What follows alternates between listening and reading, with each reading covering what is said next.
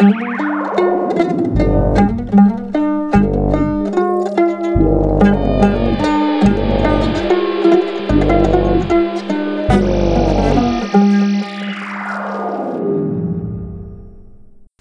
köszöntünk mindenkit, ez itt az Impakták első adása.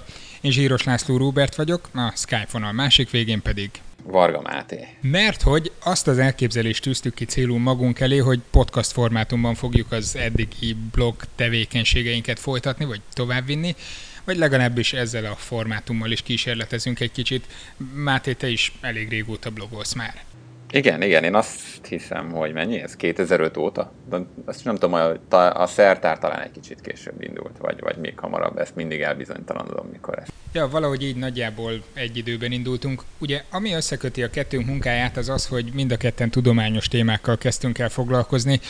A te blogod a Critical Biomass, ahol mindenféle biológiai érdekességeket dolgoztok fel. Így van, hát a miénk az egy klasszikus blog volt, ezzel ugye a szertár ezzel szemben inkább egy már ilyen vlog formátumot követett, vagy te főleg már akkor is egy ilyen videós, beszélgetősebb témát találtál, vagy, vagy megjelenítési formát, mi pedig azért megmaradtunk a klasszikus blogoknál, de hát a cél az ugyanaz volt, egyfajta ismeretterjesztés. Hát elképzelhető, hogy ez a mostani podcast formátum valahol átmenet lesz a kettő között, mert hogy ez már több, mint írott szöveg, de a kép viszont lemarad róla, úgyhogy marad a hangi megjelenítés. Sokat vitatkoztunk azon, hogy hogyan lehetne felépíteni a podcast adásokat, de valószínűleg az lenne a legjobb, ha ez folyamatosan evolválódna, és egyre inkább tudnánk tökéletesíteni. A mostani adásban készültünk néhány dologgal. Igen, de néhány rövidebb hírt beszélünk itt majd végig az elején, majd olyan dolgokat, amelyek a, az elmúlt napokban, hetekben foglalkoztatták a közvéleményt, ilyen tudományos szempontból, ami egy standard része lenne ezután is a podcasteknek az, hogy lesz egy interjú. Ez alkalommal csak egy, de aztán később kísérletezünk, hogy az egy hosszú helyet több rövid legyen, és, és hát tulajdonképpen majd a hallgatók dönthetik el, hogy mi a jó, mit szeretnének ők is. Hát ismerjük el nyugodtan, hogy én most nem voltam valami szorgalmas, úgyhogy egyedül te készítettél interjút, de ígérem, hogy a következő alkalomra én is belelendülök. Rendben, hát ezt majd akkor szabadon fogunk mindannyian. Azt, hogy milyen témákat dolgozunk fel, abban nagyon sokat adunk majd a hallgatóság véleményére, úgyhogy nyugodtan lehet nekünk írni kritikákat, építő jellegű kritikákat, vagy kevésbé építő jellegűeket is akár, és igyekszünk a témákat ahhoz igazítani. De szerintem Máté, te előszeretettel fogsz majd mindenféle biológiai összeesküvésekkel foglalkozni. A, elképzelhető, de hát érted, nem, nem ígérjük be, hogy minden alkalommal lesz valami. Végül is nem tudom megígérni, hogy nem lesz, mert most, hogyha jobban belegondolva, a mostani adásban is már lesz egyfajta aspektus, ahol ilyen mindenféle összeesküvés elmélete kapcsolatos dolgokról lesz szó. Azért gondoltam, hogy ez valószínűleg elő fog kerülni, ugyanis jó pár évvel ezelőtt összeültünk egyszer több tudományos blogger, és megbeszéltük, hogy rendszeresíthetnénk közös sörözéseket, ahol tudunk eszmét cserélni. Ezeken pedig valahogy mindig előjönnek ezek a témák, a védőoltás ellenesség, esetenként a chemtrail és egyéb hasonló visszatérő elemek. A chemtrail a te nagy kedvenced, lesz. Ó, hát a chemtrail nekem a szívügyem. Mostanában akárhányszor repülök, figyelem is, hogy eh, honnan permeteznek a gépek. No, de azt említetted, hogy nézzük át az elmúlt hetek aktualitásait. Mik azok a hírek, amelyekre szerinted most mindenképpen érdemes hangsúlyt fektetni? Az első talán inkább ilyen említés szintjén nyilván ez a nem régében bekövetkezett MH17-es e, repülő tragédiája, aminek azért lett egy nagyon szomorú tudományos vonatkozása, mert a fedélzeten számos kutató utazott egy ausztrál AIDS konferenciára.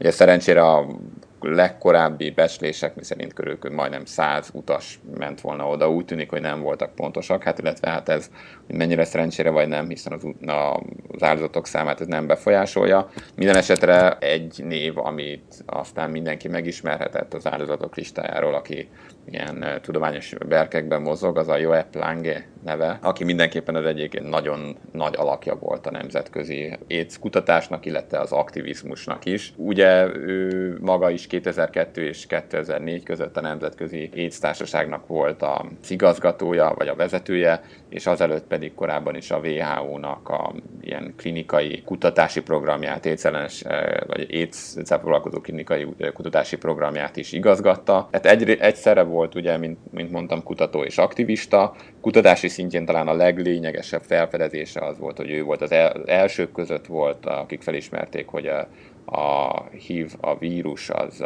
immunsejtekben tud elrejtőzni, és hát ez már inkább ilyen, de még tulajdonképpen ez is a kutatáshoz tartozik, de ez vagy egy másfajta aktivista tevékenysége is volt, hogy ő volt az első, aki nagyon határozottan fellépett azért, hogy egy ilyen hármas antivirális terápiával támadják meg a vírust, mert az lenne a leghatékonyabb fellépés az ellen, hogy, hogy a betegség kialakuljon, manifestálódjon. Ez annak idején ez rendkívül, rendkívül kérdőjeles és sokat támadott felvetés volt minden esetre. Az idő lángét igazolta, hiszen ma már ez lett a teljesen bevett terápia. Ahogy korábban már beszélgettünk arról, hogy összeesküvés elméletek előkerülhetnek, ennek a katasztrófának a kapcsán is felbukkantak ilyenek, mint például az, hogy elképzelhető, hogy szándékosan ezt a gépet PC-zték ki, mert hogy állítólag a HIV vírus ellenszere is ott volt a gépen, ez persze ebben a formában elég vitatható lenne. Ezt még nem is hallottam, de, de minden esetre meglepő lenne, hogyha ez így lett volna minden. Úgy látszik, hogy ez egy ilyen vírusos adás lesz, mert hogy a HIV-hez hasonlóan az utóbbi időben tomboló ebola járványt is egy vírus okozza. Igen, tehát az ebola járvány az tulajdonképpen azért már február óta van, tehát ez a legutóbbi ebola kitörés Afrikában elsősorban Libériát érintette eddig, de, de azért az utóbbi néhány napban igen csak felfutott a száma híreknek, ami a, meg, ami a betegséggel, illetve a járványjal foglalkozik. De elsősorban azért, mert mert hát egyelőre még nem látszik, hogy mikor lenne a vége a járványnak, és mostanra már egyértelműen az az egyik az utóbbi évek, évtizedek legpusztítóbb járványa lett. Ugye probléma az ebolánál, hogy nincs hatékony gyógyszer, illetve védőoltás sincs, de vannak feltételezett védőoltások, amik akár működhetnének is. A probléma csak az, hogy mivel ez egy jellemzően ugye, harmadik világbeli betegség, vagy legalábbis eddig abba, abba a régióba koncentrálódott, nem nagyon volt anyagi elszántsága a fejlett világ felől, hogy ezt komolyan kipróbálják ezeket az oltásokat.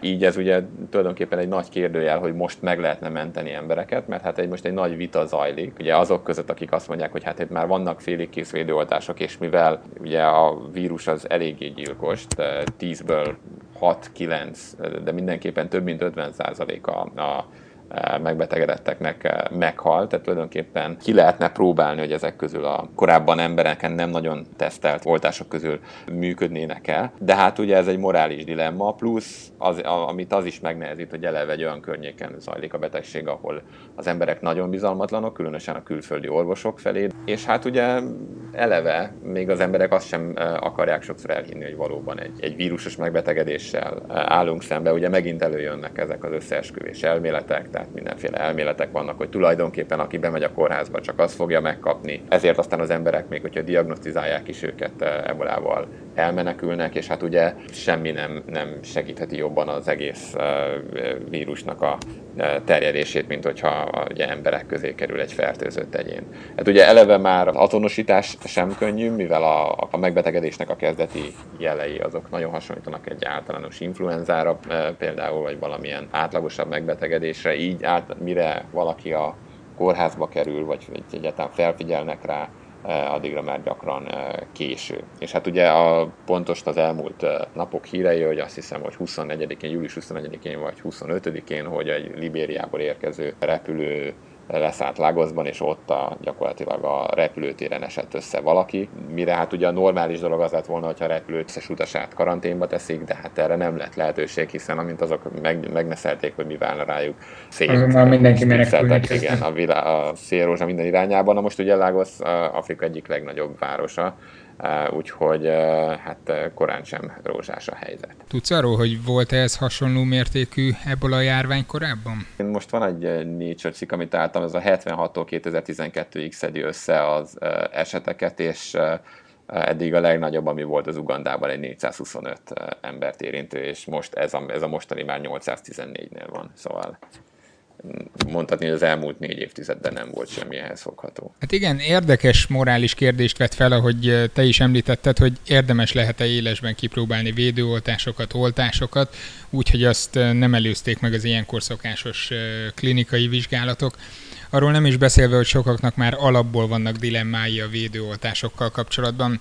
Kérdés, hogy joggal-e? Így van, és hát hogy az interjúnkban, és a podcastnek az aktuális interjújában ezt próbáltuk tisztázni Ferenci Tamással, aki a védőoltás blogot írja, és hát hogyha van itthon avatott szakértője, aki szeret is ismeret terjeszteni a témának, az, az mindenképpen a Tamás. Tamás könyve egyébként a könyvét előtt néhány nappal jött ki, ami lényegében a blogján összegyűjtött rengeteg anyag szerkesztett verziója. Na de hallgassuk meg az interjút.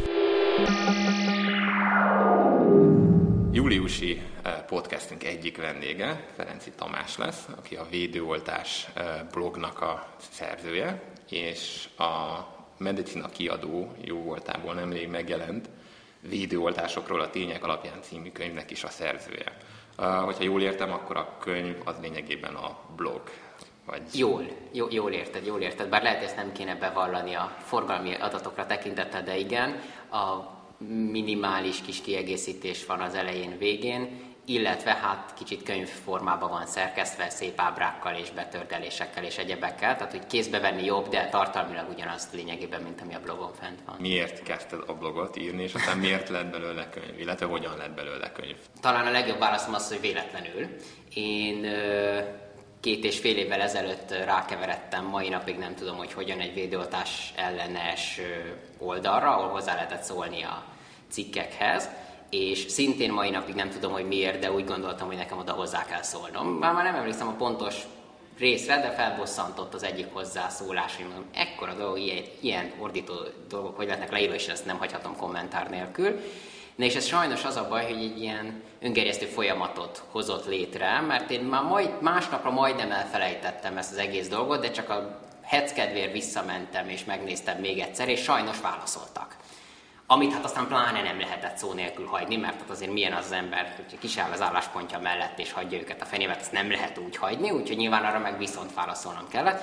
Na és ez egy ilyen végeláthatatlan spirált ö, indított be, a, aminek folyamán én úgy egyébként ki is kupálódtam egyre jobban a témából, irogattam, válaszolgattam, okosodtam, utána néztem a dolgoknak, és úgy nem tudom, a hónapok alatt egy egész tekintélyes mennyiségű ö, mindenféle információt és egyebeket leírtam ott, és úgy egy fél évvel később adódott a gondolat, hogy talán nem lenne rossz, ha ezek az információk nem egy egyébként védőoltás szervezet fórumának 200 oldalak közül a 182. közepén meg a 163. végén lennének leírva, hanem össze lennének szedve valahol, mert hogy másokat is érdekelhet. És akkor egy nyár, nyáron elkezdtem összeszedegetni ezeket a dolgokat, elrendezni sorrendbe, kicsit struktúrát adni neki, és és ősszel elindítottam a, a blogot. Akkor a mai anyagnak én nem is tudom, talán a harmada, negyede lehetett fönt. Onnantól aztán a blogot írva bővítgettem ezt egyre tovább, amíg elérte a, a mai formáját. Tehát aztán a végére már nagyon belejöttem, és ö, elég jól ráéreztem, hogy hogyan érdemes ezt összerakni, és milyen lehet ennek a jó struktúra, hogy abban próbáltam ezt a kérdést ö, tárgyalni. Úgy valahogy fél út, ö, úgy azt kell mondanom, hogy kb. fél útig teljesen egyedül. Úgy nagyjából félúton aztán elkezdték egyes orvosok fölfedezgetni ezt a, ezt a blogot, és akkor némi szakmai támogatást már tudtam hozzá kapni, tudtam kérdezni kitől, ha belefutottam problémákba. A másik fejlemény pedig az volt, hogy ezzel válaszoljak a második kérdésedre is, hogy kaptam egy levelet a, a minisztériumból, ami igazából nem minisztérium, államtitkárság, szeretnének velem beszélni teljesen másról szerettek volna velem beszélni, de mellesleg megjegyeztem, hogy ugye a blog kapcsán már egész szép kis anyag összegyűlt, és hogy eddig azt hallottam, hogy ez, erre van is igény, és van is, úgy értem, olvasóközönség, akit ez érdekel. Na és akkor nagyon meglelkesedtek, hogy hát ez milyen jó ötlet lenne, ha ez papír alapon is megjelenne. Ez mondta más is, de én inkább el se hittem, hogy ez, ez valaha is össze fog jönni. Hát nem is jött össze könnyen tehát azért nagyon komoly küzdelmeket kellett ezzel vívni, államtitkársági támogatás ide vagy oda, mire ez realizálódott, de aztán egy még további egy év küzdelem árán végül is a, az idén ö, tavaszi helyzetét a blognak sikerült átkonvertálni könyvbe, és elvégezni a szükséges egyéb szerkesztési hasonló dolgokat, meg hát átesett egy lektoráláson, ami szintén nagyon komoly ö, falat volt. Azt hiszem, hogy egy nagyon impresszív lektori névsort sikerült összerakni. Persze legkevésbé az én érdemem, én csak örültem ennek, hogy ez összejött. Akkor viszont vágjunk bele, ugye, a könyv a időoltásokról szól. Szóval azt a kulcskérdés, az egyik kulcskérdés, amit te is hosszan tárgyalsz, hogy hatásosak-e a védőoltások, elsősorban nyilván a ma kötelező védőoltásokra gondolunk itt. Hát azt mondtad, hogy kulcskérdés, a orvosi szempontból persze úgy gondolom, hogy kulcskérdés, nyilván meg különben nem lenne értelme adni őket, de olyan szempontból azt gondolom, hogy nem kulcskérdés, hogy ez, ez talán a védőoltások legkevésbé vitatható aspektusa hogy... Hát mégis a védőoltás elleneseknek ez az első pont. Ahol a fene se tudja, hogy ez az első pont. Én nem tudom, hogy ezzel jogatnak-e inkább, vagy azzal jogatnak inkább, hogy bajod lesz tőle. Remélném, hogy inkább ez utóbbi, mert mondom, az, az előbbi, tehát hogy hatnak egyáltalán, az nem nagyon megkérdőjelezhető. Most természetesen a jelenlegi magyar kötelező gyermekkori életkorhoz kötött védőoltásokról beszélek. Most konkrétan arra gondolok, hogy sok helyen ugye védőoltásos fórumokban előjönnek ilyen ábrák, hogy tulajdonképpen adott betegség már bőven azelőtt csökken. Jaj, ezek, nem, nem, nem, ez egy ezer éves átverés. Tehát a, az ilyen ábrákon mindig arra gondosan ügyelnek, hogy azt tüntessék fel, hogy hány ember halt meg az egyes betegségben. Persze, hogy lecsökkent a védőoltások előtt, mert föltalálták az intenzív osztályt, meg az antibiotikumot, meg a nem tudom micsodákat, és nyilván azokat, akik a 19. században meghaltak volna mindenféle szövődbényekben, azokat most már meg lehetett menteni, jóval korábban is, hogy lett volna védőoltás, ebben semmiféle meglepetés nincsen. Na de hát nem is ez a kérdés, mert a védő, ez, ez akkor lenne kérdés, ha a védőoltásokat specifikusan azért adnánk, hogy az emberek ne halljanak meg a betegségekben. Hát erről szó nincs. A védőoltásokat azért adjuk, hogy az emberek ne betegedjenek meg a, megbeteg, a betegségekben, Nyilván ennek akkor a megfelelő, a hatá- vagy ennek a végpontnak a megfelelő lemérése az az, hogy hányan betegednek meg a megbetegedésekben, vagy az adott vizsgált megbetegedésben, és ezt összevetni a védőoltás bevezetésével. A könyvben szerepelnek az erre vonatkozó grafikonok, némelyik védőoltás egészen drámai a hatás, tehát néhány év alatt több nagyságrendet, tehát tizedére, századára csökkent. Például mondjuk a kanyaró előfordulás az Egyesült Államokban a védőoltás bevezetése után, tehát ez, ez abszolút vitathatatlan. Az, és általában a mellé rakjuk a többi bizonyítékot, mert nyilván azért ez még nem egy mindent eldöntő bizonyíték, de van azért más is mellette. Ezek együttesen azt gondolom, hogy azt nem teszik megkérdőjelezhetővé, hogy mondjuk a kanyaró elleni oltás hat a kanyaró ellen. Jó, hát akkor, akkor, akkor hat, ez most akkor tekintsük úgy, hogy egészen szélsőséges kis csoportok által tagadott igazság. De akkor ugye a kérdés, a nagy kérdés, hogy biztonságosak-e? Bocsánat, még ha, ha egy fél, fél gondolatot hozzáfűzhetek az előbbihez, tehát a, csak a, hogy mondjam, a korrektség vagy a teljesség ö, kedvéért, ugye most a, a hatásosság alatt természetesen azt értettem, és az előbb hivatkozott ábrák is ezt bizonyítják, hogy, hogy a, a védőoltás bevezetése után valamilyen időszakon keresztül, valamennyi idő eltelt, és azt tapasztaljuk, hogy, hogy nincs vagy lényegesen kevesebb betegség fordul elő, tehát a védőoltás véd. A, azért azt látni kell, hogy ez azt bizonyítja, hogy a védőoltás az oltás beadásának a pillanatában kialakít egy védettséget, nyilván nem mindenkinél, de elég sok embernél ahhoz, hogy az átoltottságot is figyelembe véve érvényesüljön az a hatás, hogy megvédi mind a beoltottakat, mind az egész populációt a betegségektől. Ahogy mondtam, ez nem vitatható de azért ha ferek akarunk lenni, és tudományosan korrekten állunk hozzá a kérdéshez, akkor látni hogy van egy másik aspektusa is a kérdésnek, ez pedig az, hogy idővel gyengül-e a védelem. Mert most csak arról beszéltünk, hogy a beadás után hm. védetté válik az ember, az egy külön kérdés, hogy egy év múlva, öt év múlva, tíz év múlva, vagy ötven év múlva is védette még. Vannak oltások, ahol közismerten nem igaz az, hogy hosszú távú védelmet nyújtani, ugye a legkézenfekvőbb például az influenza, amit évente újra ö, kell oltatnia magát az embernek a védelmet. Remélem, mert nagyjából elmondható, hogy egy szezonra nyújt védelmet. Van a, a másik ö, végpont, mondjuk a kanyaró elleni oltás, ö, az biztosan kijelenthető, hogy több évtizedre szóló védelmet nyújt, de egyre gyanúsabb, hogy élethosszig tartó védelmet nyújt, hasonlóan egyébként a kiált kanyaró fertőzéshez élethosszig tartó védelmet nyújt a kanyaró ellen. azért mondom, hogy egyre biztosabb, mert teljesen biztos csak akkor lesz, ha kivárjuk. Mondjuk eltelt az Egyesült Államokban, vagy egyáltalán a világon minden a 60-as években kezdték el az oltást, azóta eltelt 50 év, ha még 20-30-ig így marad a járványügyi helyzet, akkor kijelenthetjük, hogy ez élethosszig tartó védelmet adott. Most teljesen biztosan nem mondhatjuk, de azért egy napról napra biztosan. És akkor ez a két végpont, és közte van ilyen, vannak bizonyos szürkezónás oltások. Ugye a legjobb példa a szamárköhögés elleni oltás, ahol volt egy technológiai váltás egy olyan 15 évvel ezelőtt a világon, a Magyarországon is egy szűk 10 évvel ezelőtt, és a most használt oltóanyagok vannak erős gyanú, van erős gyanú arra vonatkozóak, hogy rövidebb ideig tartó védelmet ad, mint a korábbi technológiával készült. Persze annak más hátránya is voltak, jelesül, hogy a mellékhatásai szempontjából rosszabb volt, de itt például, itt például az egy aktuális és komolyan vehető felvetés, hogy a jelenlegi védőoltási menetrend, illetve a védőoltási naptár az elegendő védelmet biztosít-e, vagy esetleg lesznek olyan csoportok, amiknél már eléggé legyengül a védelem ahhoz, hogy lábra kapjon a szamárköhögés. Az Egyesült Államokban van erről empirikus adat, hogy eléggé úgy néz ki, hogy ez történik. Tehát a, tehát a, a hatásosságnak egy aspektusa van, ami valóban kérdéses lehet, ez pedig az, hogy meddig tart a, a védelem. Mondom, de ezt, ezt nem lehet univerzálisan tárgyalni, tehát ezt oltásról oltásra lehet megbeszélni csak ezt a kérdést. Csak akkor visszatérve most akkor itt az erre az eredeti második kérdése, hogy akkor igen, tehát látjuk, hogy hatásosak, mm. illetve hát esetenként szükséges bizonyos időközönként egy újraoltás ahhoz, hogy ez a hatás sosság fennmaradjon, de hogy biztonságosak-e. Tehát ugye ez lényegében az oltás ellenességnek a nagy alfája és omegája, hogy, hogy nagyobb veszélyt okoz-e, hogyha beoltatunk egy gyereket, vagy beoltatjuk magunkat, mintha nem oltatnánk be. Én azt gondolom, hogy a kérdésnek két szintje van, vagy hát két szinten szoktak róla beszélni. Az egyik az az a szint, hogy biztonság egyenlő milyen mellékhatásokat okozhat-e, okozhat-e mellékhatásokat a védőoltás. A válasz az, hogy természetesen igen.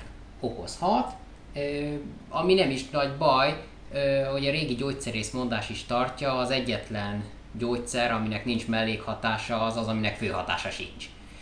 Úgyhogy ez, ez várható, hát beleavatkozunk a, az emberi szervezet működésébe, akkor olyan a világon nincs, hogy mi csak azt érjük el, amit szeretnénk, mást állítani azt gondolom sarlatánság is lenne. A kérdés tehát nem ez. A kérdés inkább az, hogy az a biztonságnak egy jó definíciója-e, hogy elvileg lehetetlen, hogy mellékhatása legyen. Azt gondolom, hogy ez egy értelmetlen definíció, mondhatjuk ugyanezt, de akkor ezzel az erővel semmilyen emberi tevékenység nem biztonságos. Az sem biztonságos, hogy most itt ülünk és beszélgetünk, mert például a fejünkre szakadhat a födém és meghalhatunk. Ez előfordulnak ilyen esetek a világon, ez nem egy nulla valószínűségű esemény. É, mégis építünk házat, mert azt, hogy nem esik ránk az eső, azt nagyobb előnynek értékeljük, mint az, azt a kockázatot, hogy ránk szakadhat a födém.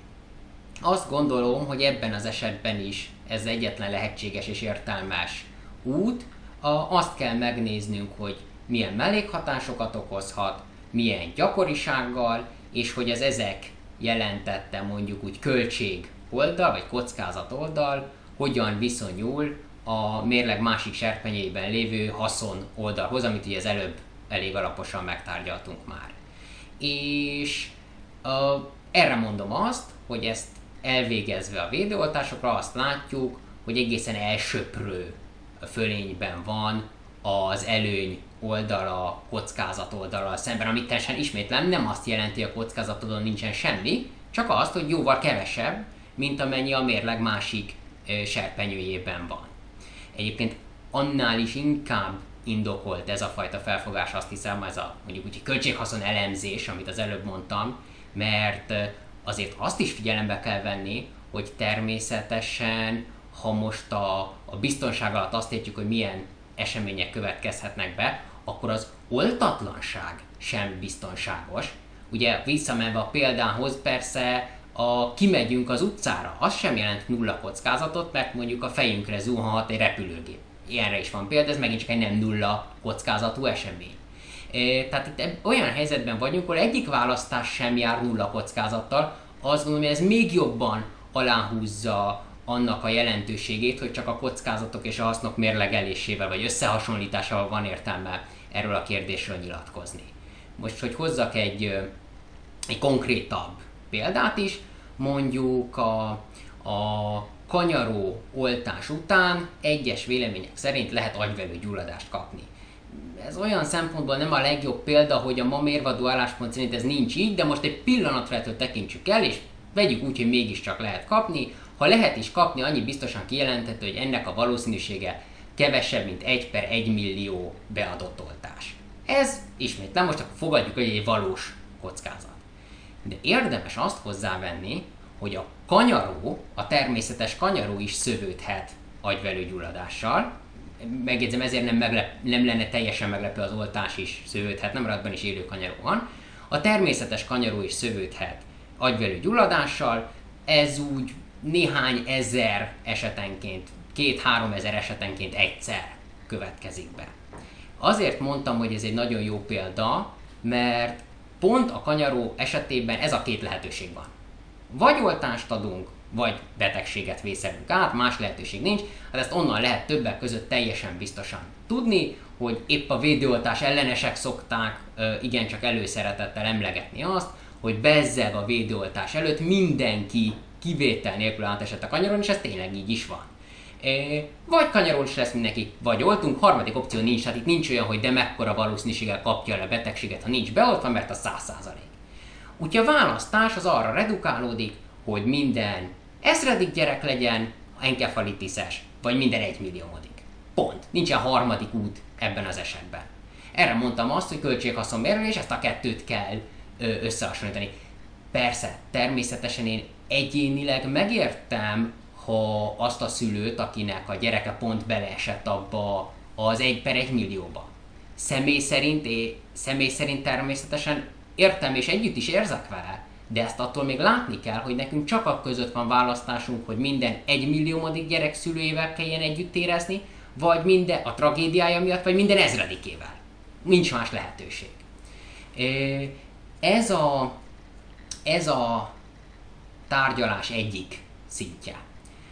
A másik szintje a tárgyalásnak, ami sajnos sokkal zűrösebb, ugye ezt magam is többször tapasztaltam, az az a szituáció, hogy a, a gyermekem egy héttel az MMR oltás beadása után cukorbeteg lett, hogyan mondhatnak ilyet, hogy nem okoz az MMR cukorbetegséget?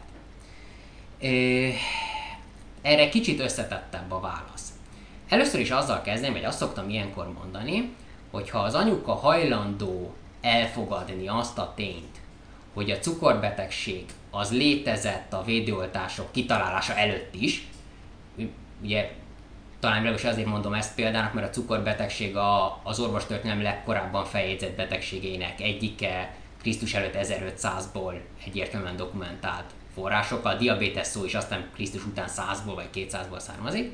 Tehát ha hajlandó elfogadni azt a tényt, hogy diabetes létezett az oltások bevezetése előtt is, akkor szükségkép, és hangsúlyozom, egy automatizmus kénytelen azt is elfogadni, hogy elképzelhető, hogy az oltás beadása után véletlenül lépett fel.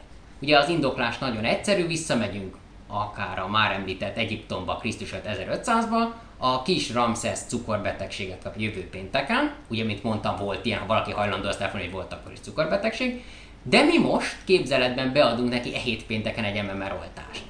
Akkor jövő hét pénteken Ramszesz anyuka teljes joggal háborodhat fel, hogy tehát a gyereke az MMR oltás után egy héttel cukorbetegséget kapott. Mint látjuk, ugye ez egy véletlen egybeesés volt csak, mert a ki gondolat kísérletünkben mi most visszamentünk az időben és beadtuk az oltást. Most ugye erre tipikusan azt szokták mondani, hogy jó, jó, jó, de hát ez egy borzasztó véletlen, vagy borzasztó ritka, bocsánat, egy borzasztó ritka esemény, hogy véletlenül egybeessen. És erre az a válaszom, hogy így van. Ez tényleg egy borzasztó ritka esemény, hogy a kettő teljesen véletlenül essen egybe, csak hogy borzasztó sok oltást is adunk be. E, például az MMR oltást majdnem minden ö, ö, gyermek megkapja, tehát szinte százerret beadunk belőle, még mi Magyarországon is évente, most képzeljük az Egyesült Államokban hány van. Márpedig bármilyen ritka is egy esemény, bármilyen valószínűtlen is, ha nem nulla a valószínűsége, akkor elég sok kísérletet végrehajta, előbb-utóbb be fog következni belőle egy, ha sokat várunk, kettő, három, tíz, száz, amennyit csak akarunk. És akkor ott vagyunk, hogy ott van az az eset, amiből mi az adott esetből nem tudjuk eldönteni, hogy ez összefüggésben volt, vagy nem volt összefüggésben. Szoktam mondani, csak időgéppel lehetne eldönteni, ha visszamegyünk időgéppel, nem adjuk be az oltást, és megnézzük, hogy mi történik. Időgép hiány viszont meg vagyunk lőve. Személy szerint megértem az anyukát, mert mondom, azt lehet mondani, hogy tényleg gyanús az egybeesés, de önmagában, mint azt előbbi kis úgymond számítás is mutatja, sajnos ebből nem tudjuk eldönteni, hogy volt-e okozati kapcsolat. Másképp lehet csak eldönteni úgy, ha megnézzük például nagyon sok gyereket alapul véve, hogy aki megkapja az oltást, az egy héttel rá gyakrabban lesz-e cukorbeteg, mint aki nem kap ilyen oltást. Több cukorbeteg van az oltottak, mint a nem oltottak között. Ezt meg lehet vizsgálni, meg is vizsgálták egyébként, mindjárt vissza is térek rá, meg is vizsgálták, de sajnos csak így lehet eldönteni a kérdést. Egyedi adatok alapján egyébként se pro, se kontra nem lehet dönteni.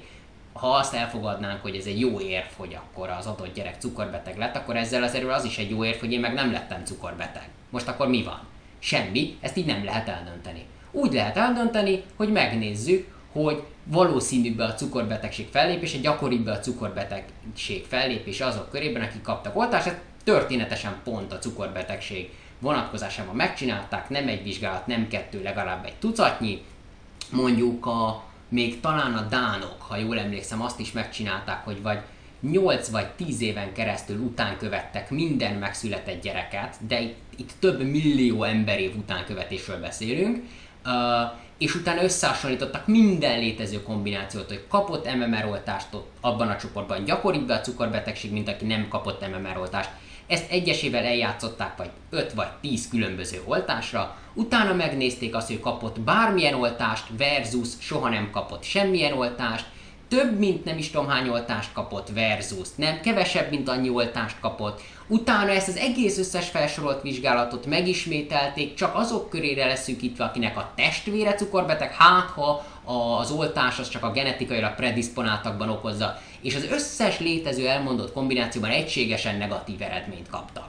Így meg lehet vizsgálni a kérdést. Én mondom, megértem, egyénileg megértem az anyuka érzéseit, de úgymond epidemiológiai szinten csak egy ilyen vizsgálattal tudunk választ adni arra, hogy van-e okozati összefüggés mondjuk az oltás és a cukorbetegség között. Amint mondtam, ezt megvizsgálták, és az eredmény nemleges lett. A biztonságot ilyen vizsgálatok adataiból lehet megítélni, és amint mondtam, tucatjával készültek különböző oltások és különböző felvetődött mellékhatás gyanúk esetében ezek az elemzések, vagy ezek a tanulmányok. Jó, és hát ugye a másik nagy veszőparip az nyilván az autizmus, ez ugye Andrew Wakefield uh, örökbecsű munkásának e- eredményeképpen, akkor most és itt, itt és most tisztázzuk, hogy, hogy az MMR oltásnak, az oltásokban levő higganynak, az oltásokban levő alumíniumnak uh, van-e van-e köze ahhoz, hogy esetleg egy oltott gyerekben később autizmus alakul ki? Magyarán, magyarán okozhat-e Igen. egy oltás autizmus? Az a baj, sajnos én nagyon erősen ragaszkodom ahhoz, hogy az állításaimat a tudományos módszertan és alapján és különösen korrekten tegyem, úgyhogy nem válaszolom ezt rá, amit élből rávág, amit sokan élből rávágnak, hogy nem. A precíz válasz az azt hiszem csak az lehet, hogy jelenlegi ismereteink szerint ilyen hatás nincsen, vagy ha van is, az a kimutathatatlanság kategóriájába esik. Szerintem azt azért tegyük hozzá, ugye, hogy nem azért nem tudunk ilyen hatásról, mert, mert nem vizsgálták, hanem... Épp ellenkezőleg, épp ellenkezőleg, pont ez, ez lett volna a következő mondatom, hogy nem tudok még egy betegséget mondani, aminek az oltásokkal való összefüggését olyan biztosan ki tudnánk zárni, mint az autizmus. Tehát az előbb azt mondtam, hogy a cukorbetegségről is az az álláspontunk, hogy nincs kapcsolat, de már az is sokkal kevésbé biztos ahhoz képest, mint tehát, az összes létező ismert betegség közül, ha van egy, amit a lehető legbiztosabban ki tudunk zárni, hogy kapcsolatban hozhat az oltásokkal, az az autizmus. Amit vizsgáltak az MMR oltásra, vizsgáltak a diftéria, tetanus, pertussis oltásra, vizsgáltak az oltásokra. Általában vizsgáltak az oltások bizonyos komponensére, és utána minden létező konstellációban milliós létszámot meghaladó gyerekpopuláció bevonásával több földrész, több, külön, több tucat különböző tanulmánya zárult egységesen negatív eredménnyel. Hú, egy kicsit, egy kicsit uh, most akkor a hatásosságról és a biztonságtól eltérve uh, néhány mondatban beszéljünk arról, hogy mekkora, vagy egyáltalán tekinthető-e sikersztorinak a magyar védőoltási rendszer? Mert ugye itt most ma már azért elmondhatjuk, hogy a 20. század folyamán különbségek alakultak ki a különböző országok közt abban, hogy Igen. ki, hogyan, mit, mennyiszer volt. És hát ugye nyilván a Magyarországon egy kicsit a a keleti szocialista blokkra jellemzően kialakult egy kötelező védőoltási rendszer, ami nyugaton nem feltétlenül volt mindig jelen. Lemérhető-e, hogy ez jobb volt, rosszabb volt? Egy, egy, egy pici korrekcióval kezdenék. Abban, hogy ki, hol, mennyit, mikor, mivel volt, abban nincsenek olyan rettenetesen nagy különbségek, és, és azok is csökkennek.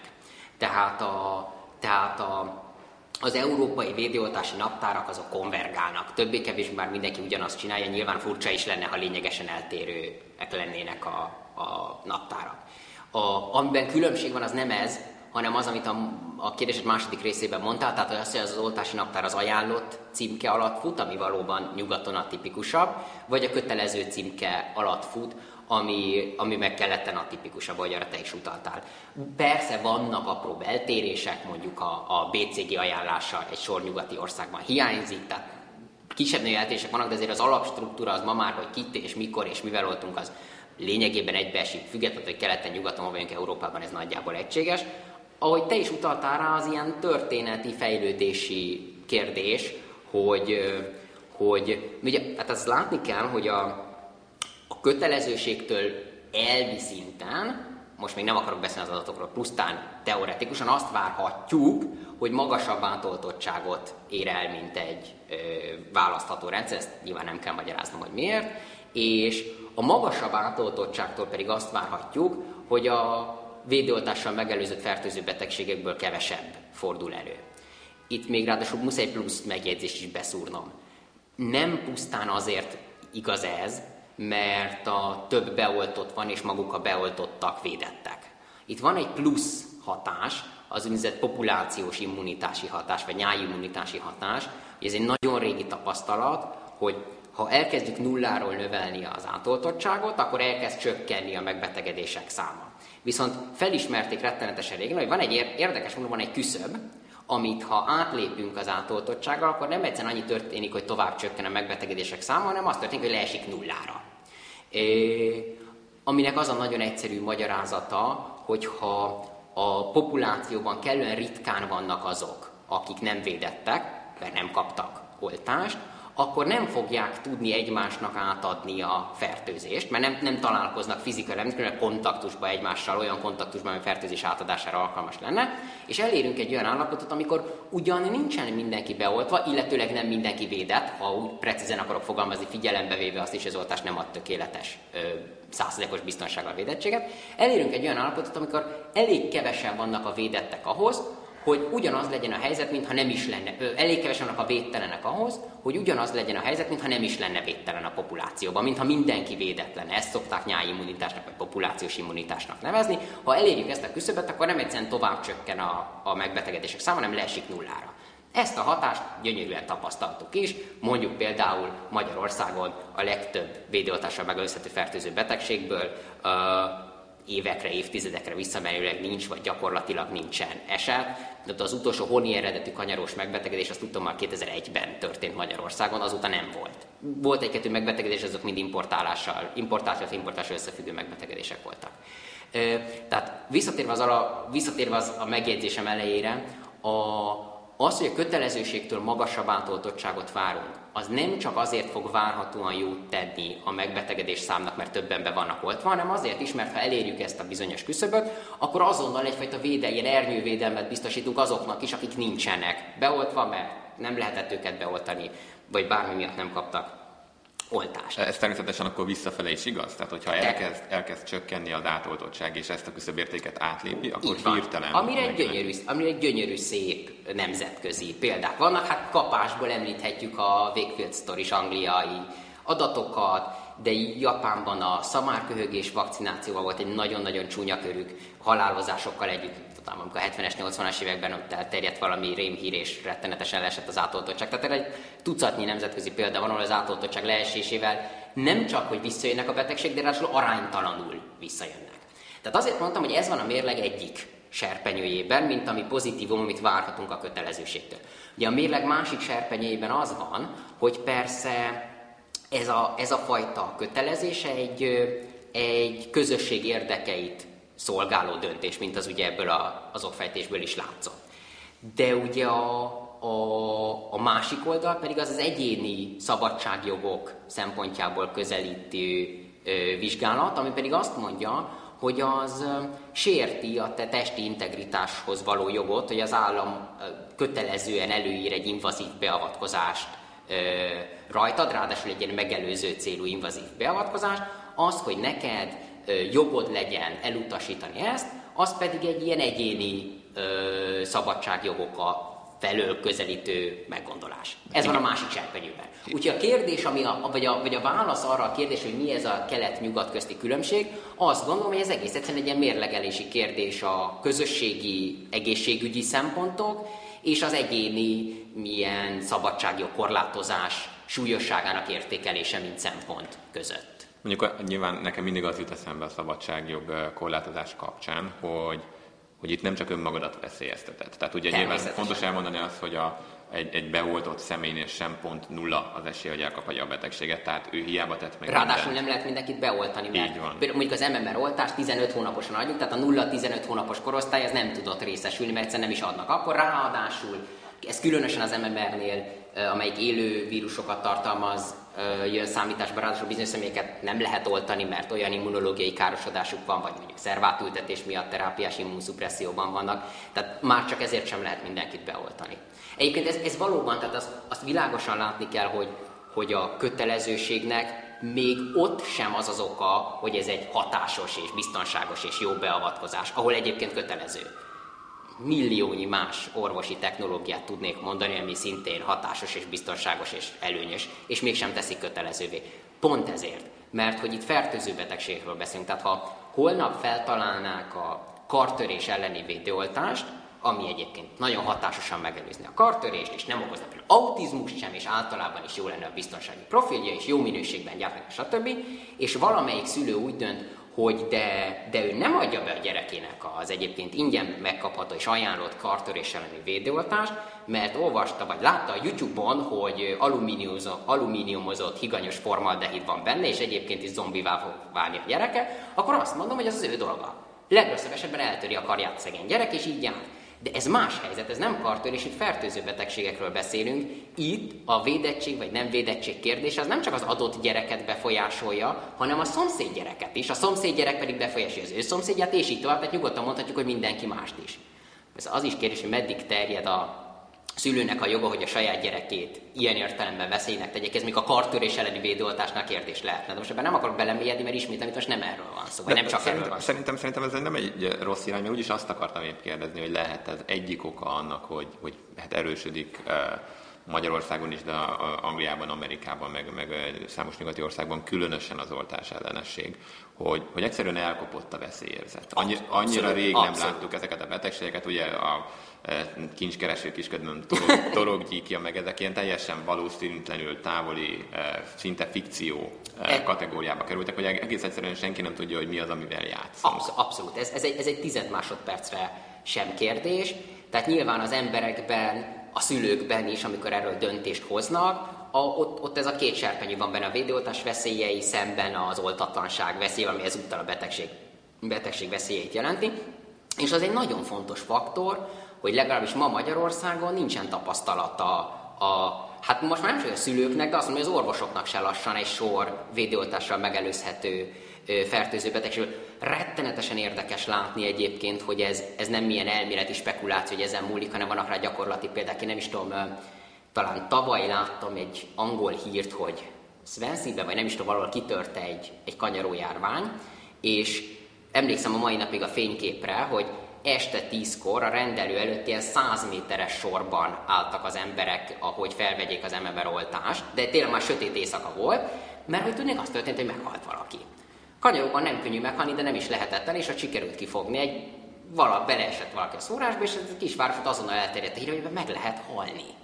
Ezt korábban senki nem gondolt, vagy tehát lehet, hogy gondolták volna, az egész más, amikor tudja, hogy a szomszéd gyereket elvitte a kanyaró, és mondom, ott álltak méteres, száz méteres sorban éjjel tízkor, hogy kapjanak oltást.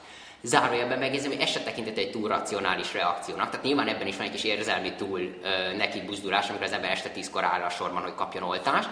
De gyönyörűen mutatja, hogy azért, mert elterjedt a híre annak, hogy úristen, ez ilyet tud okozni. Azonnal nem csak, hogy, nem csak, hogy nem azt mondom, hogy helyreállt az Egyesült, mert talán még át is borult a túlsó oldalra, lásd a éjjel tízkor sorban állás.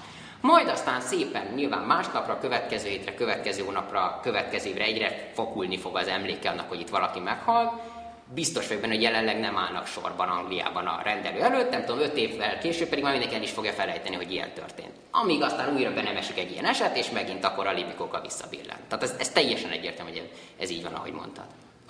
A veszélyezet mellett mennyire kophat el az, hogy az orvosok időben kiszúrják, hogy ilyen betegségek vannak? Ugye erről beszéltünk még mielőtt leültünk most egy a, felvenni a podcastet, hogy az Annals of Internal Medicine-ben megjelent a, egy, egy, egy primer az amerikai orvosoknak, hogy hogyan lehet felismerni a kanyarót. Tehát, hogy ez tényleg ez egy ilyen akut problémává kezd válni, hogy annyira rég nem láttak. Tehát van, gondolom most már lassan egy generációnyi orvos, aki nem látott élőben kanyarót, csak tankönyvben. Um, igen, ez egy jogos kérdés a, az előzőek fényében, ugye pont én is említettem, hogy, hogy nem csak a szülők meg anyukák, de az orvosok sem nagyon láttak ilyet. Uh, olvastam én is ezt a bizonyos cikket, és megkérdeztem a, megkérdeztem a könyvem, a könyvem lektorait, aki elég nagy létszámú és infektológiai jártas gárda, hogy mit gondolnak erről a kérdéskörről, és azt mondták, hogy egyfelől például a kanyaró, az, én, nekem az volt a korábbi gondolatom, hogy ez egy szcenikus betegség, amit nem lehet elnézni. Egyfelől azt mondták, hogy ez igaz, bár azért az, hogy nem lehet elnézni, az nem igaz. Azt mondták, hogy ellenpéldákat tudnak hozni még abból az érából is, amikor még OVD oltás sem volt, és aztán bőven volt kanyarós. Tehát azért az, hogy lehetetlen elnézni, az, az abban van egy kis túlzás, de valóban elég jellemző. De ők maguk is azt mondták, hogy az a tény, hogy Magyarországon nem láttak gyakorlatilag orvosgeneráció, vagy talán most már inkább orvosgenerációk nőttek úgy fel, hogy ilyen betegséget csak tankönyvben láttak, ráadásul állítólag elég korlátozott óraszámban az egyetemen, az, az igenis problémát jelenthet akkor, ha, ha megjelenik egy ilyen betegség. Tehát tényleg ott tartunk, hogy már az sem felesleges esetleg, hogy átismételjük, hogy hogy néz ki egy kanyaró, mert ők is azt mondták, hogy nagyon könnyen lehet, hogy nyilván előbb-utóbb rájönnének, de hogy, hogy nehezítené vagy lassítaná, talán ez a jó szó, a diagnózis felállítását, az a tény, hogy nincsen, nincsen élő tapasztalat. Mikor volt az utolsó járvány? Tehát mikor toll lehet még, még olyan orvosokat találni, akiknek, akinek van tapasztalat? Hát speciál kanyaró terén Magyarországon I- ilyen szempontból azt mondom, hogy jobb, más szempontból persze nagyon nem jobb, de ilyen szempontból jobb a helyzet. Amerikában 60, még 65 után gyakorlatilag nem volt kanyaros beteg, vagy csak mutatóba. Ami azért tényleg nagyon, tehát az már tényleg az orvos generációk kategória kezd az 50 év. Magyarországon annyi, az oltást mi is a 60-as években vezettük be, utána még a 70-es évek elején vagy közepén volt egy-két jóval kisebb járvány, azt mondjuk nem számolnám ide, mert az közel is volt az oltás előtti érához, tehát az mondjuk mindegy. Egy, egy különbség van, hogy nekünk 89-ben volt egy, egy, hát az oltás előtti érához képest persze eltörpülő, de egyébként elég nagy, tízezer fölötti megbetegedéssel járó járvány, tehát ott speciál pont kanyarót azért láthatott elég sok orvos. De, de hát egy sor olyan betegség van, ami viszont szó szerint nálunk is 50 évre visszamenőleg gyakorlatilag ismeretlen. Hát akkor most már egy kicsit a végéhez közeledve, akkor egy, egy picit visszatérve erre az egész, hogy az ember hogyan blogol, hogyan ír erről, hogyan vitatkozik erről. Na, nagyon sok esetek, esetben, eh, amikor az ember bele, belekerül egy ilyen vitába, akkor úgy nagyon hamar, hamar szenvedélyessé válik a hangvétel, mindenki nagyon személyesen eh, viszonyul a témához, és hát ugye eh, én is megfigyeltem, hogy, hogy, hogy azért a te bejegyzéseidben is néha előfordul egy, egy nagyon erős szenvedélyes hangnem. És pár hónappal ezelőtt talán még a magyar közösségi oldalakon is terjedt egy, egy amerikai immunológusnak némileg alkoholbefolyása alatt írt nagyon őszinte és indulatos levele, amiben ugye arra hívta fel a figyelmet, hogy hát a gyerekek életével játszanak azok, akik, akik nem oltják be. Ugye a kérdés, ami felmerült ennek kapcsán, és erről beszéltünk korábban is, hogy, hogy, hogy mennyiben lehet hatásos egy ilyen nagyon indulatos vita, ahol te is személyesen belemész az egészbe, és már nem hideg fejjel érvelsz, mm-hmm. hanem, hanem az indulataidra hallgatsz. Én ezt is kezdjem a meglepő részvel, én is olvastam természetesen ezt, ahogy hívják, és őszinte leszek, nem igazán tetszett, és nem is igazán örültem neki. Az egyik szempont az az, hogy, hogy nem volt teljesen korrekt. Most már nem tudnám felidézni, elég rég volt, de voltak benne dolgok, amik konkrétan nem stimmeltek.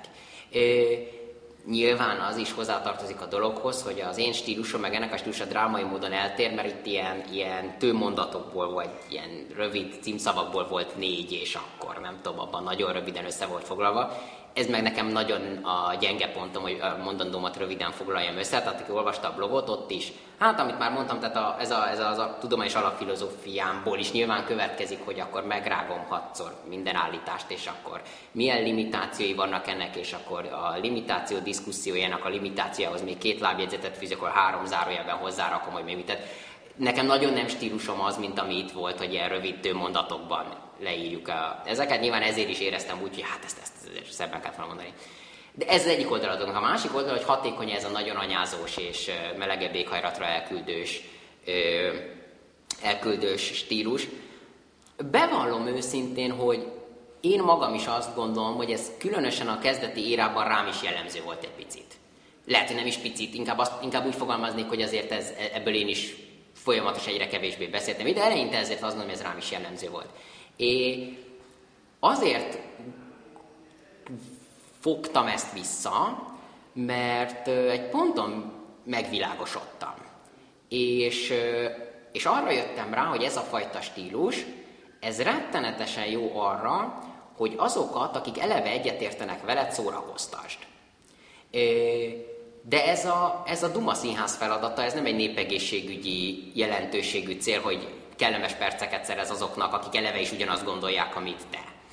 A népegészségügyi jellegű kérdés ebben a felvilágosítás, tehát azoknak a kérdéseinek a megválaszolása, akik nem eleve azt gondolják, amit te. Sőt, hagy, hagy pontosítsam, azok, akik eleve az ellentétes oldalon elköteleződtek, annak egy ponton túl már mondhatsz akármit is, de van egy nagyon nagy bizonytalan ö, csoport, aki, aki nem elkötelezett se mellett, se mellett, se semmi mellett, hanem egyszerűen kérdései vannak, és érdeklődik, és hallott ezt, azt, és kíváncsi, hogy ez ügyben mi a valóság, mit lehet erről tudni. A kulcskérdés, hogy az ő kérdéseiket megválaszold, és nekik nyújtsál felvilágosítást. Szerintem ebben a, a melegebb éghajlatra elküldés az nem segít, minimum, ráadásul, mivel nem is túl empatikus, még az is lehető kontraproduktív.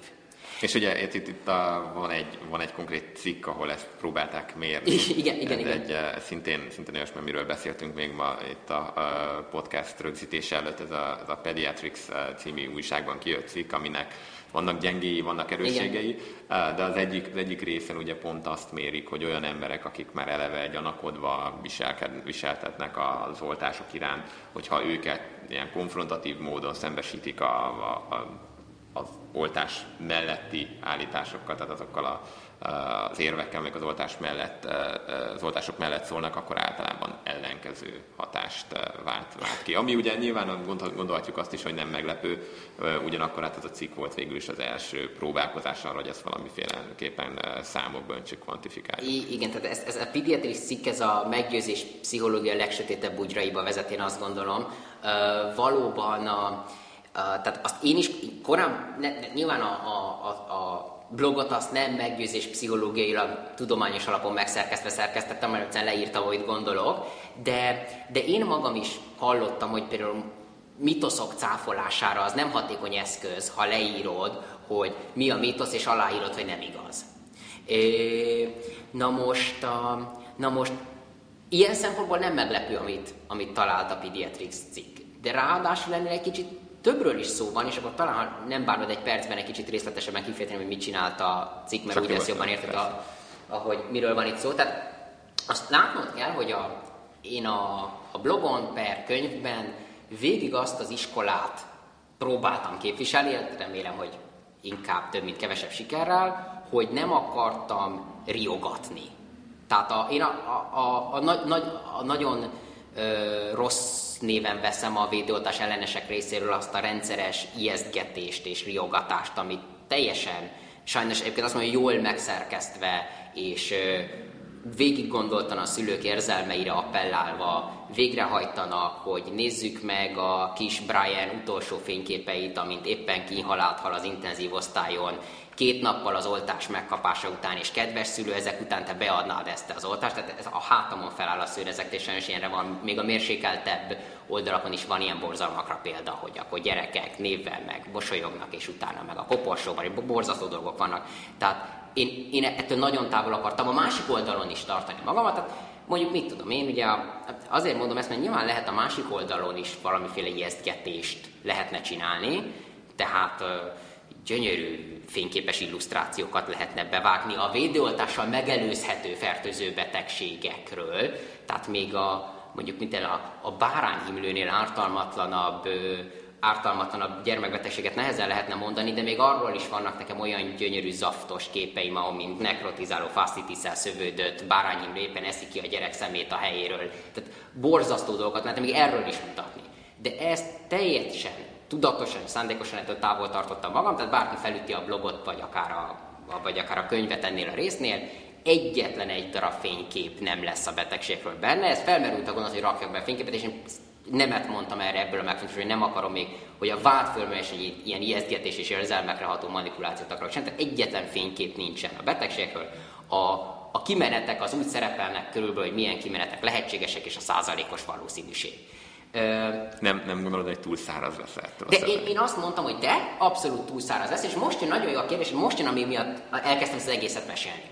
Hogy én, amikor ezt a döntést meghoztam, én ezt a, azzal a gondolattal hoztam meg, hogy ezzel rontok az én meggyőzési hatásosságomon.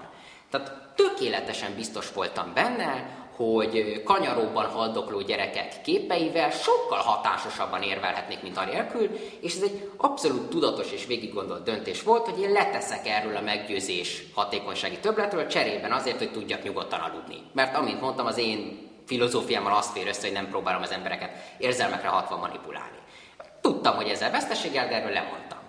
Na most az érdekes az az, hogy a és ezért kezdtem el mesélni az egészet, a Pediatrics cikkben többféle ilyen úgynevezett intervenciót próbáltak ki, hogy a szülők ö, oltási attitűdjére hogyan hat, amiből hát valószínűleg nekik is végigfutottak a fejükön ugyanazok a gondolatok, amiket én most az előbb kifejtettem. Volt olyan variáns, hogy, hogy leírták, hogy a betegségek, de ez csak szövegben szárazon, ahogy te mondtad, leírták a betegségek konzekvenciáit, volt egy kicsit durvított változat, amikor fényképeket mutogattak mindenféle esetekről, és volt egy brutál durvított változat, ahol az anyuka elmesélte, hogy hogyan haldoklott a gyermeke kanyaróban az intenzív osztályon. Na és ugye, ha követjük a logikámat, akkor én azt gondoltam volna, hogy ez, amit én most elmondtam, ez nagyjából megfelel a meggyőzés hatékonysági sorrendjének, mert hát a, amikor az anyuka elmesél, hogy hogy haldoklott a gyermek a kanyaróban, az a, az, az ász, tehát az überelhetetlen, és csak azért nem alkalmazza valaki, mert olyan hülye, mint én, hogy ilyen filozófiai problémái vannak vele. A nagyon érdekes az az, hogy a cikk nem igazán ezt hozta ki. Sőt, a legvi- azon túl, hogy nem bizonyult olyan tökéletesen hatékonynak a, a dolog, a legviccesebb az az, hogy azt találták, hogy bizonyos végpontokon, mert többféle végpont volt. Mennyire oltatnád be a következő gyerekedet memerrel, okozhat-e az oltás autizmust, vannak-e lényeges mellékhatásérzelmek, tehát többféle ilyen, a többféle ilyen végponton lemérték a szülők válaszát. Van, amin a, a, az anyuka mesélése kimondottan rontott, például az egyik az ilyen volt, hogy okozhat-e mellékhatásokat a vakcin, és a, ez teljesen értetetlen első ránézéssel, hogy miért gondolja a szülő inkább, hogy, védő, hogy mellékhatási lettek a védőoltásnak attól, mert meghallgatott egy beszámolót arról, hogy a védőoltással megelőző egy fertőző betegségben hogyan haldoklott egy gyerek. Ez teljesen ilyen logikával szembe menőnek tűnik hát akit érdekel, olvassa a cikket, ezt nehéz lenne egy percben összefoglalni, de azt mondták, hogy erre van, van bizonyos ilyen pszichológiai magyarázatokat ott mellé rakosgattak arról, hogy akkor ez, a, ez, a, ez előhívta a szülőnek az ilyen, az ilyen negatív mindenféle esemény negatív kimenetével kapcsolatos gondolati tartalmait, és akkor könnyebben hozzáférhetővé vált számára az is, hogy az édőoltásnak is lehetnek mellékhatásai, mert ezt a mellékhatás topikot így behozta a, a gondolatai közé, sem vagyok pszichológus, és világ és szeretnék ilyen nagyon vulgárisan belemenni ebbe, de hogy ilyen, ilyen nem várt hatásai is voltak ezeknek az intervencióknak. Tehát egy, egy kicsit most még, még őszintén ezt nem akarom elhinni, tehát én továbbra is azt gondolom, hogy azzal lehetne tarolni, hogy hogyan haldoklanak gyerekek kanyaróban, de a melléket cikk szerint még ez sem biztos. Hát ne, nem inkább arról van szó, hogy, hogyha valakik már nagyon elköteleződtek, tehát teljesen ők már, már hónapok óta, vagy ki tudja, még akár hosszabb ideje csak ebben élnek, ezt akarják hinni, már gyakorlatilag a teljes szellemi erkölcsi tőkéjüket ennek az ügynek tették fel, ők, ő gyakorlatilag nem meggyőzhetőek. Tehát ki kell persze, mondani, persze. hogy lesznek emberek, akiket a legjobb, a legnagyobb türelemmel, legjobb érvkészlettel sem biztos, ez, hogy valaha meg tudsz ez így van. Ez egy másodpercig nem kérdés szerintem sem. Hozzá kell tennem, hogy a pediatrics cikk legnagyobb problémája szerintem éppen az, hogy, a, hogy akinél alkalmazták ezeket az intervenciókat, hogy szöveget olvastak nekik, meg képet mutogatták meg egyebek, az, az egy ilyen general population volt. Sőt, direkt büszkén hangsúlyozták, hogy a mintájuk az reprezentatív volt az amerikai 18 év feletti összlakosságra nézve, akinek van gyere, bla, bla. Szerintem ez, ez, ez nem egy jó kutatási kérdés, mert annak semmi értelme, hogy az utcán szembejövőket, mondja összpopuláció ezt kezdjük el meggyőzni. Hát különösen a legnagyobb részeket azért meg se kell győzni. Tehát én ezt egy értelmetlen kutatási kérdésnek tartom. Sokkal izgalmasabb kutatási kérdés az, hogy mondjuk az általam előbb bizonytalan csoportnak mit érdemes mondani. Én fenntartom a véleményemet, amit az előbb mondtam arról, hogy ennek működnie kell. Szerintem a pediatrisztik itt vizsgált valamit, ami nem volt annyira ö, jól megfogalmazva. De hogy válaszoljak is a kérdésedre, tehát hát most kicsit nagyképpen azt mondom, hogy tapasztalataim alapján, de azért már pár 10-100 órát elvitatkozgattam a blog kommentek között, meg élőben is, meg tehát talán valami tapasztalatom merhetem mondani, hogy van, az valóban az, hogy van egy csoport, akire majdnem azt mondom, hogy, hogy talán nem ez csúnyán azt mondom, hogy felesleges, de majdnem felesleges, majdnem értelmetlen bármilyen meggyőzési erőfeszítést is ráfordítani, mert teljesen mindegy, mit mondasz, úgyse fog semmi sem segíteni.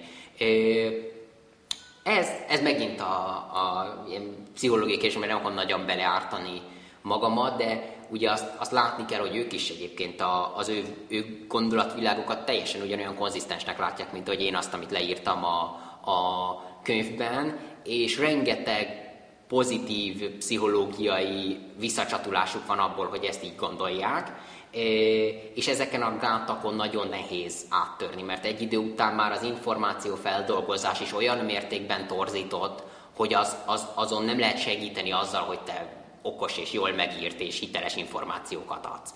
De pontosan ezért azt gondolom, hogy ezen nem is igazán érdemes, hogy fájjon az ember feje. Mert ez egy, ez egy felesleges feladat, nem ez, a, ez egy, ez egy, ez egy reménytelen, bocsánat, ez egy majdnem reménytelen, vagy majdnem reménytelen feladat. Az az érdekes, hogy az anyuka, aki hall ezt-azt, és elbizonytalanodik, és, és beüti a Google-be azt, hogy MMR autizmus, de egyébként nincsen, elfog, nincsen ilyen berögződött és megbonthatatlan véleménye, csak érdeklődik, akkor, akkor ő kapjon korrekt hiteles, a jelenlegi tudásunknak megfelelő tájékoztatást, azért, mert én hiszek benne, hogy, hogyha megkapják ezeket az információkat, és hangsúlyozom, hogy nem ilyen manipulatív módon és nem érzelmekre hatva, hanem száraz tudományos formában, az is el fog hatást érni. Ez, mondhatjuk, az alapfilozófiám az egész mögött, amit leírtam. Szerintem ez egy tökéletes végszó lesz. Köszönöm szépen Tamás, hogy, hogy elvállaltad, hogy vendégünk legyél. Nagy és örömmel. akkor, a, hát aki, aki meg, meg kíváncsi a Tamás további mondan, mondandójára, az a védőoltás blogon, ami a vedőoltas, azt nem, hogy jól, jól mondom, így vedőoltas.hu-n érhető el. Köszönöm szépen. Én is köszönöm szépen. Tehát akkor ez lett volna az impakták pilot epizódja, bevezető epizódja. Reméljük, hogy mindenkinek tetszett. Az észrevételeket, kérdéseket, felvetéseket, azokat várjuk itt a kommentek közt. Igyekszünk minél többet megfogadni a jövőre való tekintettel, és hát akkor itt búcsúznánk, mint műsorvezetők, én és Varga Máté, illetve Zsíros László Róbert. És hát a podcast zenéért hálával tartozunk még Tövisházi Ambrusnak is. Köszönjük, hogy meghallgattatok. Köszönjük a figyelmet, sziasztok! thank you